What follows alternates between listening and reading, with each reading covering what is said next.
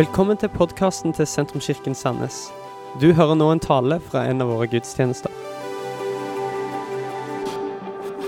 Vi har begynt nå i september en, eh, en viktig, veldig viktig serie.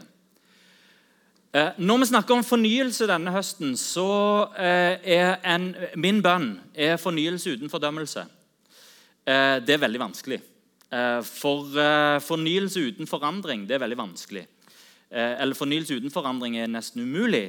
For det er klisjeen. altså kan du, kan du gjøre det samme alltid og bare forvente nye resultater? Nei, hvis en vil se noe nytt, så må en kanskje endre på noen ting. Og så er det noen ting som må bli gjort nytt. Og i, sånn, I det å snakke om en åndelig fornyelse og det at Gud skal gjøre noe nytt i oss, så ligger det jo i òg et ønske om å utfordre både seg sjøl og andre til å kanskje gjøre noe nytt òg. Eh, og, eh, og pastorer og forkynnere, som jeg er en del av, står i fare Og dette gjelder faktisk ikke bare pastorer og forkynnere, men kristne generelt. Står i fare for med sin tro å havne i en av to grøfter. Eh, den første er nåde uten etterfølgelse. Eh, Den andre grøfta er etterfølgelse uten nåde.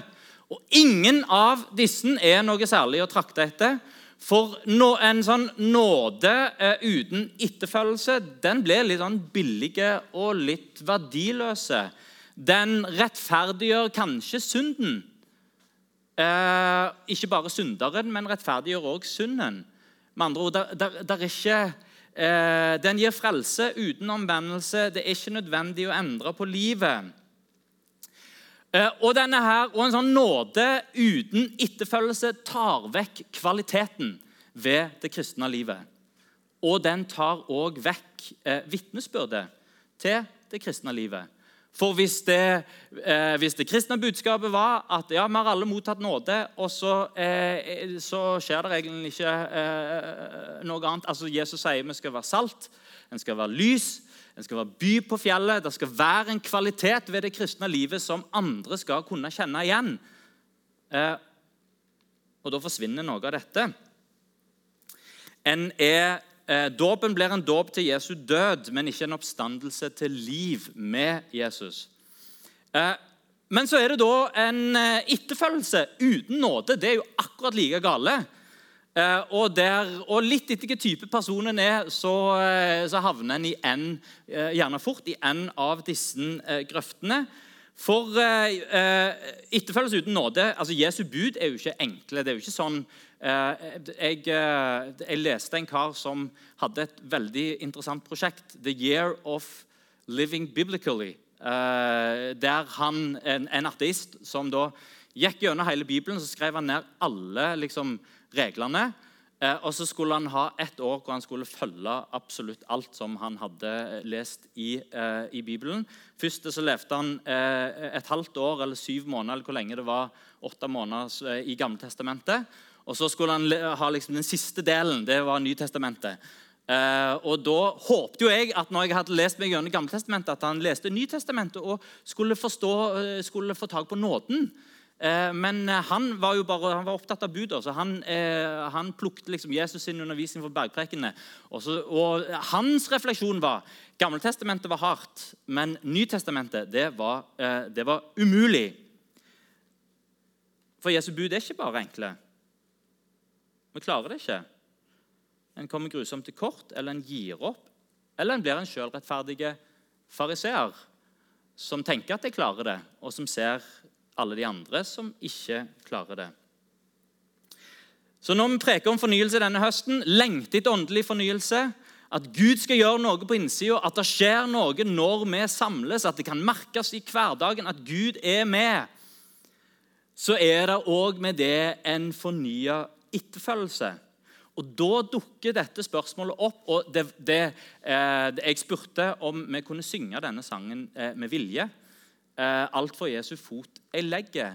Eh, for dette er en tradisjonell, det er tradisjonell eh, tekst fra en tradisjonell Eh, det er en, ikke en tradisjonell tekst. Det er en tekst fra en tradisjonell salme som er gjort litt om på, men det er den samme teksten. Den har blitt stående i generasjoner. Den synges igjen og igjen. Og det er så fort at vi synger sanger når en kommer på gudstjeneste som en ikke tenker så mye over. Eh, hva betyr egentlig dette? Eh, når vi spoler tilbake og hører på den teksten Alt for Jesu fot jeg legger. Alt som jeg her kaller mitt. Det er beinradikalt. Og jeg har lyst til å invitere oss i kveld til å tenke over ordene i denne sangen. For hvor kommer disse ordene fra? Er det en salmedikter som bare har henta noen ting ut fra eh, sitt eh, poetiske hjerte og hode? som en har fått ned på papir? Eller kommer dette en plass fra at dette er noen ting som ligger i det kristne livet, som etterspørs, og som en på et eller annet tidspunkt eh, kan på en måte stille både hodet og hjertet mitt bak og si ja, alt for Jesu fot jeg legger. Derfor så har jeg lyst å preke et budskap i dag som lugger litt. Og Det er flaks at det er flere som, eh, som, som er kort i håret, Eh, for, det, det, eh, for, jeg har litt lyst at det skal, at det skal lugge litt òg. Og at vi skal kjenne at dette utfordrer oss. Jeg vil dele litt fra min egen trosreise. Men det er Jesu ordet fra Matteusevangeliet som er grunnlaget, og ikke, ikke erfaringen. Da har jeg også lyst til å si at din vei i etterfølgelse av Jesus er annerledes enn naboen sin vei. Til og med ektefellen og de i din familie. Eh, når, noen, når det med etterfølgelse blir at det handler om, om, å høre på et menneske, et annet menneske som sier ja, du skal gjøre sånn og du skal gjøre sånn, og du burde gjøre dette, da skal en være veldig forsiktig. Helst skal en trekke seg litt unna. Eh, for det er ikke det eh, kristen etterfølgelse handler om. Selv om sånn som Paulus sier, 'følg etter meg sånn som jeg følger etter Jesus'. Men du vil se at de som fulgte etter Paulus, de gjorde ikke nødvendigvis akkurat det som Paulus gjorde. Derfor har jeg lyst å innlede dette bare sånn for at vi skal få skuldrene ned. og Jeg skal dele litt av min troshistorie. Så jeg har lyst til å innlede igjen med et dikt av Olav H. Hauge. 'Din veg'.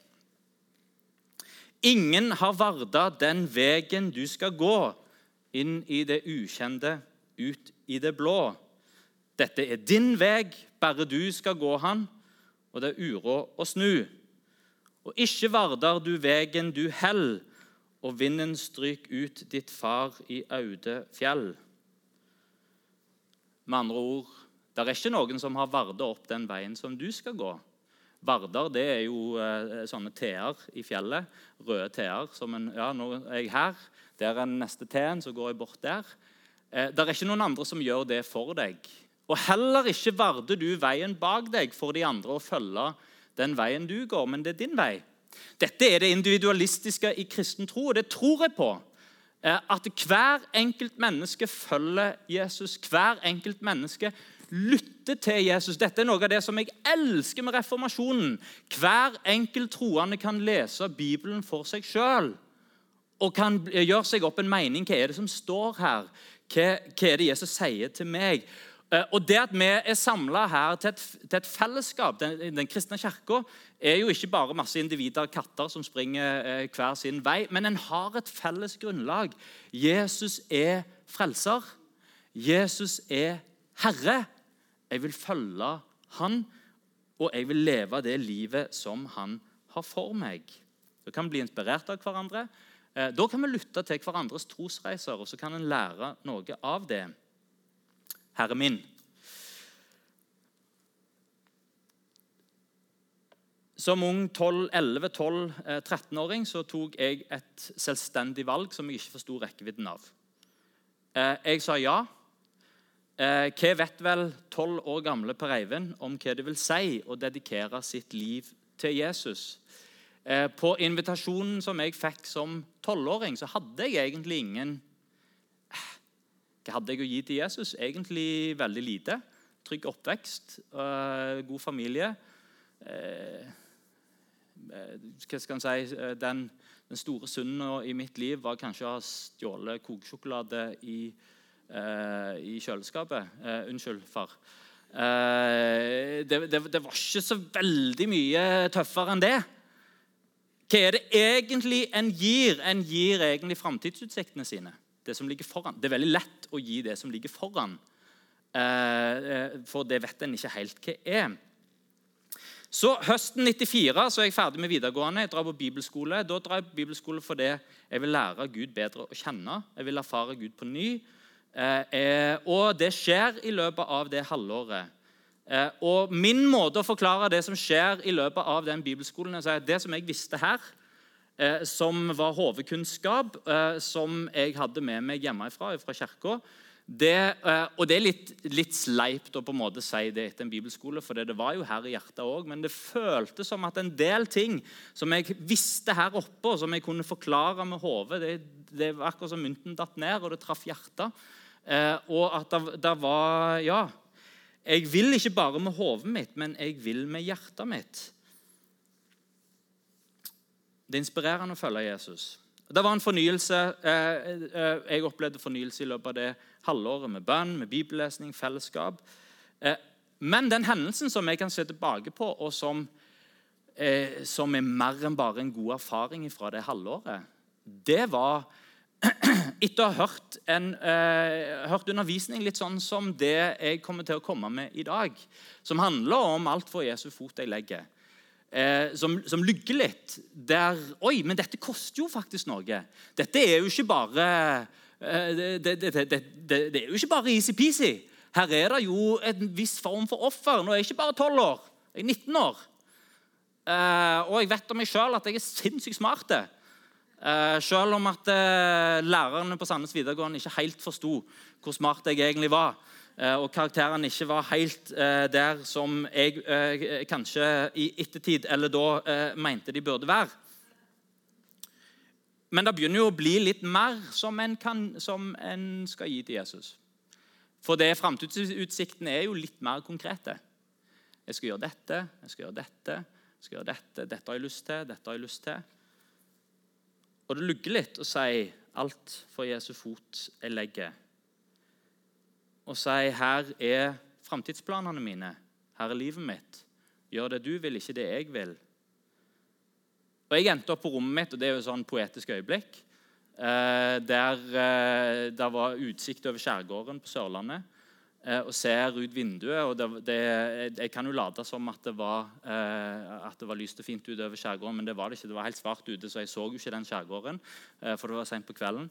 Men jeg så ut det vinduet og så ut i det svarte intet. Og kjente på denne her trigginga. Og så begynte jeg å synge en sang av Arnold Børud. 'Jesus, her er jeg, send meg.' Jeg vil leve mitt liv i tjeneste for deg. Jesus, her er jeg, send meg. Og for meg så Det er jo sånn det, altså, det, Du synger en sang på rommet ditt mens du ser ut i svarte natta. Men for meg så var det et sånn avgjørende øyeblikk. Hvis jeg ikke hadde vært døpt, så var det en overgivelse i det øyeblikket som passet med dåpen. Begravet med Kristus og oppreist for å leve med Han.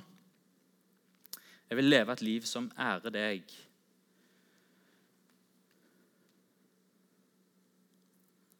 Møtet med Jesus begynner med et sånn 'Kom og følg meg'. Og så, på et eller annet spørsmål På et eller annet tidspunkt så møter vi dette spørsmålet som vi også sang i denne sangen. 'Alt for Jesu fot jeg legger'. Og Når det åndelige livet vårt fornyes, så fornyes òg vår etterfølgelse. Når en får en fornya erfaring av Gud og hvem han er, så er det en fornya overgivelse til et liv i etterfølgelse. 'Jesus, her er jeg. Send meg.' Her er den jeg er. Her er det jeg kan. Her er min kompetanse. Her er det jeg har. Her er mine sår, her er mine nederlag. Her er hele livet mitt. Her er det jeg har fått til, her er det jeg ikke får til. Hele meg. Jesus, her er jeg. Send meg. Når jeg kom hjem fra bibelskole, så var det med en bestemmelse om å følge Jesus. Og det, var, eh, eh, og det kom med et sett med vaner som jeg hadde lyst til å etablere. Eh, og jeg satte i gang med å etablere disse vanene. Og noen rundt meg syntes kanskje at det ble litt i overkant. Men selv om det kanskje var, var, sånn som det ble sett rundt, så klarte ikke jeg å leve sånn som jeg ønska. Og prioriteringene de ble ikke sånn som jeg ville. Og livet så ikke ut sånn som jeg tenkte. Og følelsene var ikke så sterke som jeg håpte. Og så lurte jeg til slutt på har Gud forlatt meg.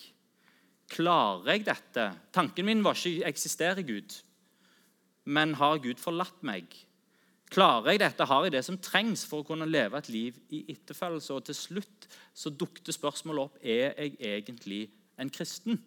Og Dette høres jo veldig dramatisk ut, men det er klart når du er 21, så er du òg dramatisk. Og Er du 21 eller 22 eller 20 eller tenåring, det er, livet er dramatisk, og det er det jo gjennom livet òg. Og det store for min del i min trosreise der, det var å møte ny nåde. Det var å forstå at ja, men eh, jeg får ikke dette til. Jeg er utilstrekkelig. I meg sjøl så klarer jeg ikke dette. Og i ydmykelsen av å forstå at jeg er ikke god nok. Jeg klarer ikke dette i egen kraft. Jeg klarer ikke leve det livet som jeg ønsker. Der møtte jeg Jesus igjen. Og I fornya etterfølgelse og i et ønske om å legge alt for Jesus fot, så er det behov for ny nåde igjen. Derfor så er det som jeg håper å kunne male ut for oss, det er at den som vil følge etter Jesus, trenger masse nåde. Når vi vil si alt for Jesu fot jeg legger, ja, men da trenger vi, vi trenger, vi trenger stor, ikke bare stor nåde, men vi trenger nåde hver dag. Og vi trenger nåde hele tida. Vi har fått et, vi har fått et sånn gammeldags, koselig sånn, uh, håndbrodert eller jeg vet ikke om det er håndbrodert, men det er iallfall brodert sånn skilt som er hengt opp i gangen hjemme eh, som vi har fått av mor og far. Der står det 'alt av nåde'. Vet du hva? Jeg har lyst til å bygge livet mitt på den setningen der. Og Jeg har lyst til å invitere oss til å tenke, du som er tenåring Hva betyr det for meg å legge alt for Jesu føtter og fornye min etterfølgelse? Hva betyr det for meg som er student? Hva betyr det for meg som har etablert familie? Hva betyr det for meg som har blitt bestemor eller bestefar? Hva betyr det for meg som er singel, eller hva betyr det for meg som har blitt singel? Og jeg har lyst til å lese, eh, Vi skal gå veldig raskt gjennom Matteus 4 til Matteus 9. Eh, og Dette er kanskje noen av de mest radikale ordene som du finner i hele Bibelen. Det finner du fra kapittel 4 og videre til kapittel 9 i Matteusevangeliet. Det begynner med eh, i Matteus 4, 18-20. Overskriften over dette kapittelet er at et møte med Jesus gir kall til etterfølgelse. En gang gikk Jesus langs Galileasjøen, og han fikk se to brødre, Simon, som kalles Peter, og hans bror Andreas. De var i ferd med å kaste not i sjøen, for de var fiskere. Han sa til dem, 'Kom og følg meg, så vil jeg gjøre dere til menneskefiskere.' Straks lot de garnet ligge, og de fulgte han. Så enkelt er møtet med Jesus. Uh, og Vi kan forresten bare vente litt med den, uh, med den sliden der. Den kommer, kommer uh, Hvis det går an. Og så ta vekk den Ja, sånn, ja. Jesus' sine disipler de, eh, de, de, får et enkelt møte med han. Og da er det 'kom og følg meg'. Og Det er det, det må være noe i møte med Jesus som gjør at en slipper det en har i hendene. De slapp garnene sine. De gikk faktisk fra forretningen sin. Eh, de var fiskere, eh, og de fulgte etter Jesus. Og Så samler de seg rundt han, og så kommer noen av de mest kjente ordene i verdenshistorien. For når du følger etter Jesus, Hvis en følger etter Jesus i eh, evangeliene, så kommer en veldig raskt til bergprekenen, som er Jesus sin programerklæring, sitt Soria Moria, der han sier sånn som dette er mitt rike.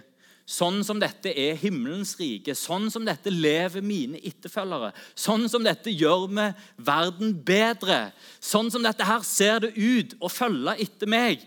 Dette er min livsfilosofi. Sånn som dette. Og Da begynner det med saligprisningen. Og Saligprisningen den begynner med, med å si 'salig er de fattige i ånden', for himmelens rike er deres. Eh, og bare her så forstår vi at det som Jesus kommer med, er totalt annerledes fra det som en er vant med. For det gir jo ingen mening. Salig er altså, Vi ville jo sagt akkurat motsatt. Salig er de rike, for de har det godt. Salig er de ressurssterke, for de får det til. Salig er de som ser noe for seg, og som klarer å få, dette, få det opp, for det, de lykkes jo. Salig er de som kan surfe på ei bølge av suksess. For de ser alle opp til. Og så knuser bare Jesus hele det bildet av hva det vil si å være menneske. Og så ser han foran den loslitte gjengen som sitter der og skal lytte til hva han sier. Og så sier han, 'Salige er dere, fattige i ånden, for himmelens rike er deres.' De har ikke gjort noe annet enn å følge han. Det er de han snakker til. Det er de som er der, og det er de som får nåde. Himmelriket er gitt til de som er ingenting i seg sjøl, de som ikke har noe å vise til. Og Det er det som skjer når vi møter Jesus. Det er herlig å møte Jesus når han er ung, for da er en fattig i ånden. En har ikke noe å vise til. En møter Jesus når en er langt nede. Da er en òg fattig i ånden, for det, en får det ikke til i egen kraft. Eh, en møter kanskje Jesus når en er syk. For da en òg har en opplevelse av å være, fattig, eller en ikke takler livet, eller en mister jobben, eller når ekteskapet har gått i stykker. Jesus sier når de som er fattige i ånden Himmelriket er deres. Så tror ikke jeg at det følger det motsatte. At for å få himmelriket, så må du være ung, ha mista jobben, ekteskapet må ha gått i stykker, du må være outcast, fattig eller nedtrykt. Det er en følgefeil. Men møtet med Jesu nåde den får vi gjerne når vi ser at vi er fattige i oss sjøl. Møtet med Jesus er nåde der du er. Jesus sier 'kom og følg meg', og det er gjennomgripende. Når vi møter Guds nåde, sa, eh, sa Thomas sist eh, søndag, da er etterfølgelse lett. Og Så er det som Jesus eh, inviterer oss til. Det begynner i kapittel 5-7. Og før vi får opp sliden, du trenger ikke ta opp den ennå, så har, eh, så har vi en sånn Vi har eh, forventninger til hverandre. Vi har forventninger til hva det vil si å være et menneske. Disse forventningene er eh, noen ganger nedskrevet, noen ganger så er de bare antatt. Eh, altså, du blir sur hvis noen kommer og stjeler noe fra deg, for det skal ikke mennesker gjøre. Eh, ingen skal ta det som ikke er deres. Det er ikke sånn at du tenker at det må du forklare til noen. Det vet du at det forstår alle. Det som er mitt, det er mitt. Det, skal, det er ikke ditt. Eh, du, du, har ditt, det skal ikke jeg ta. Jeg har mitt, det skal ikke du ta. Så meg med mitt og du med ditt. Dette forklarer vi ikke for hverandre, dette bare antar vi. Derfor vil vi kanskje da òg eh, anmelde, rettsforfølge osv. noen som tar noe fra oss som er vårt. Her er det vi kan forvente av hverandre. Ikke drep. Ikke lyg under ed. Med andre ord, Hvis du er i en rettssak og du blir spurt om å si sannheten, så sier du jeg, skal si, jeg sverger å si sannheten, og så sier du det som er sant. Krev din rett i urettferdighet. Dette er vi lært opp til ifra vi er små. Når en skal ha eh, i, eh, i familier, iallfall sånn som vår, der eh, brus er på en måte noe som du ikke skal drikke i mengder, så har du fire glass Eh, og eh, da skal brusen den skal, den skal, deles ut til alle sammen. Eh, og det skal være selvsagt helt rettferdig. Med andre ord, Hvis det er litt mer i, i, i søster sin, da skal jeg òg ha litt mer. For, og vi lærer dette, gjør vi ikke det? Krev din rett. Det er vel til med et politisk slagord i Norge. Gjør din plikt, krev din rett. Og det er, det er jo en rett ting å gjøre. Kreve sin rett i urettferdighet.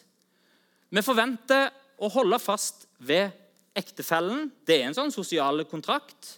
Vi forventer at en elsker sine venner. At en bry, der er et eller annet som skjer. Og 'vennen min behandler meg dårlig'. Er, eh, vennen har ikke forstått hva det vil si å være en venn, for en venn skal elske. Dette forstår vi som mennesker. Og så gir vi når det forventes av oss. Og Det er gjerne når det er en katastrofe, eller når det skjer noe urettferdig, eller det er en bursdag, eller det er jul, eller det er et eller annet. Det forventes av meg å gi konfirmasjon, som det òg er nå. Da gir vi det som forventes. Altså gjør vi åndelige seremonier og praksiser som er forventa av oss, og tar ansvar for eget behov og eget liv. Og vi måler andre opp mot standarden som vi har for livet sjøl. Dette resonnerer med vår rettferdighetssans. Jeg eh, tror at du er enig med meg i at dette er, dette er gode leveregler for hvordan vi lever. Eh, og dette er eh, basisen for de ti bud. De ti bud de lærer en i skolen. De ti bud står mange plasser i mange vestlige land. så er De spikra opp i rettssaler. Og du kan lage samfunnslover på iallfall mange av de ti bud. Og de gir, der er en slags type eh, resonans i mennesket når en hører de ti bud. De er menneskelige. De er ikke utelukkende kristne. De eh, er sunn fornuft. Og det er mer eller mindre spredd rundt i hele verden. Mer eller mindre. Når Jesus kaller til etterfølgelse, så er det et liv som sparker skikkelig. Og Nå oppsummerer jeg hele bergpreken i eh, åtte setninger. Og Da kan vi få opp den første sliden.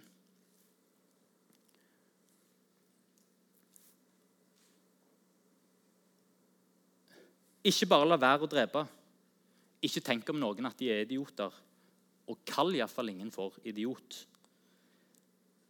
Ikke bare la være å skille deg, men ha et rent blikk som ikke seksualiserer noen. Ikke bare la være å lyve under ed. Dette kommer under dere har hørt det sagt. Men snakk alltid sant.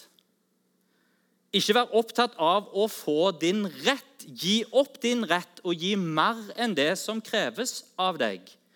Ikke bare elsk dine venner, men elsk òg dine fiender. Ikke bare gjør de åndelige ritualene som forventes av deg. Lag åndelige vaner for å møte Gud.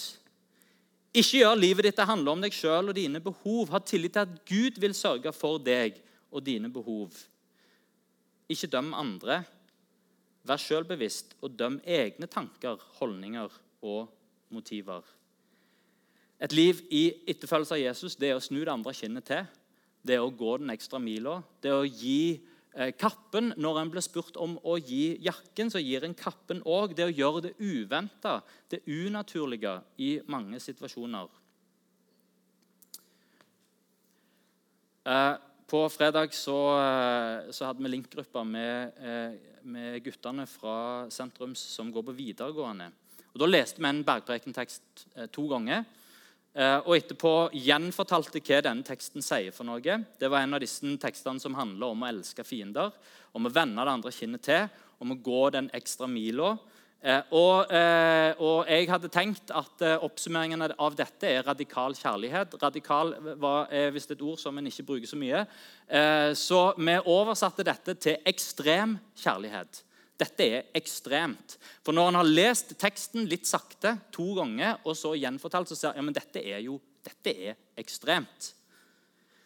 Og Vi spurte hvordan ser verden ut om alle gjør dette. Da var alle enige om at da er verden totalforandra i løpet av morgendagen. Hvordan ser verden vår ut og hverdagen vår ut hvis vi begynner å leve sånn?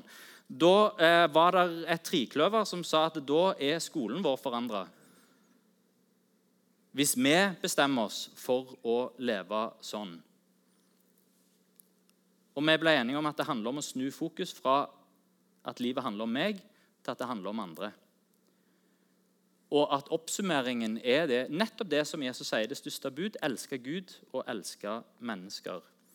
Og Jesus han avslutter bergprekenen med å oppsummere, oppsummere et liv i etterfølgelse med den gylne regelen og sier 'gjør mot andre det du vil at andre skal gjøre mot deg'.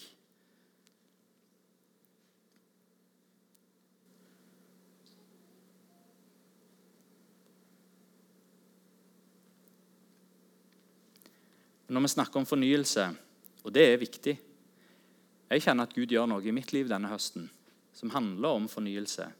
Som handler om mitt liv med Gud og Den hellige ånd hverdagen. Det preger hvordan jeg snakker, hva jeg er opptatt av. Og jeg ønsker å gi rom for Den hellige ånd i hverdagen. At det skal prege gudstjenestene våre. Men så vil jeg òg at det skal få en konsekvens for livet en lever i etterfølgelse. At det er en etterfølgelse av Jesus som er et liv som skinner, som gjenspeiler bergprekenen.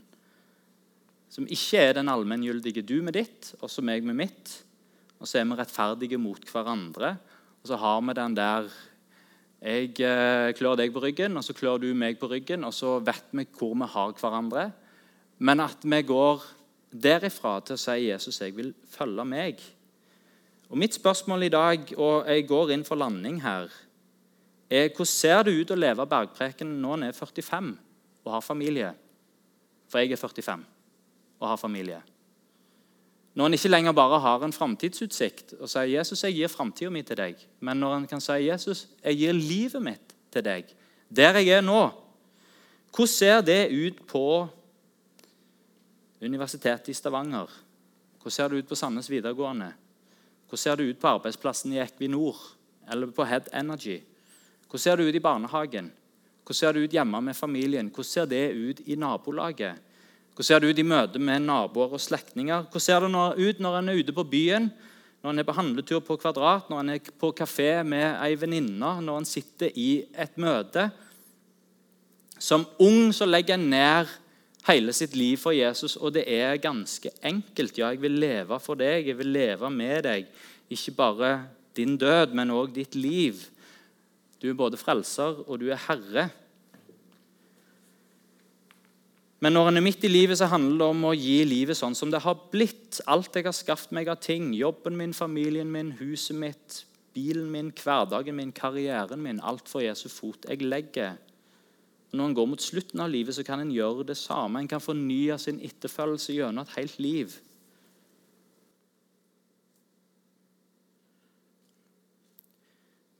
Jeg tror spørsmålet som lurer når vi står vil vi gi alt, det er er Gud for meg? Og på, eh, på lovsangskvelden for, eh, for, litt over ei uke siden, fredagskvelden, sang vi denne sangen om eh, the blessing, at, at Gud velsigne oss. Og Det er en setning som går igjen og igjen og igjen. Gud er for deg. Han er for deg. Han er for deg. Han er for deg. Og så når du liksom venter at nam, nå må du være ferdig, så fortsetter de. Ja, men han er for deg. Han er virkelig for deg. Og han velsigner deg ikke bare i ditt ledd, men dine barn og deres barn og deres barn. Og din familie og deres barn og deres barn. Han er for deg. Og han er med deg han er rundt deg, han er i deg, han velsigner deg. For det er jo det som blir spørsmålet hva er det gode liv? Fins det gode liv i etterfølgelse av Jesus? Eller skal, hvis en skal leve bergpreken, blir det da med sammenbitte tenner og en sånn Johannes døperen-liv der en lever ute i ødemarken med kamelhårskappe, og der stikker gresshoppe, eh, gresshoppebein eh, ut av tennene fordi en spiser gresshoppe og vill honning, og det er liksom omvendelse, og det er et fælt liv? Og en, og en tygger sand. Eller er det gode livet i etterfølgelse av Jesus? Paulus han oppsummerer Jesus og sier det er saligere å gi enn å få. Det er større å tjene enn å bli tjent. Den som følger etter Jesus, da er det ikke størst, mest, mest suksessrik, mektigst, best osv. osv. For Jesus er han som vinner ved å dø. Han vinner med å overgi seg. Han blir rik med å gi avkall på alt. Og det gode liv han inviterer til, er annerledes. Og det er det jeg har lyst til å invitere oss til i dag. Et liv i etterfølgelse av Jesus. Og når vi snakket om dette på Link-gruppa på fredag, så eh, spurte jeg trenger vi nåde hvis vi skal ha et liv i sånn en etterfølgelse av Jesus. Eh, trenger vi nåde hver dag? Ja.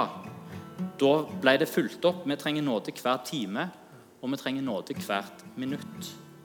Fordi lista for etterfølgelse er så høy, og det som Jesus spør etter, er så ekstremt og uventa. Og så ender vi opp på samme plassen. I kapittel 9 så treffer Jesus tolleren Levi, den utstøtte, den som er forakta, synderen som ingen vil ha noe med å gjøre. Og Han sier det samme til Levi. Kom og følg meg. Og etter at Levi har sluppet det som han har i hendene, og følger Jesus, så sier Jesus, 'Gå og lær hva dette betyr.' Det er barmhjertighet jeg vil ha, ikke offer. Jeg er ikke kom for å kalle rettferdige, men for å kalle syndere. Og det er her vi lander. Det begynner med nåde, og det avslutter med nåde. Og midt inni alt dette så kan en igjen og igjen komme med en fornya overgivelse. Frimodig si til Jesus 'Jeg vil følge deg'. Salige er de fattige i ånden, for himmelriket er deres. De som i seg sjøl er ingenting. De som trenger nåde, og som får det, og som gir sitt liv i etterfølgelse av Jesus. Jesus. Kan vi ta og reise oss? Dette var slutten på denne talen. Håper du har blitt inspirert.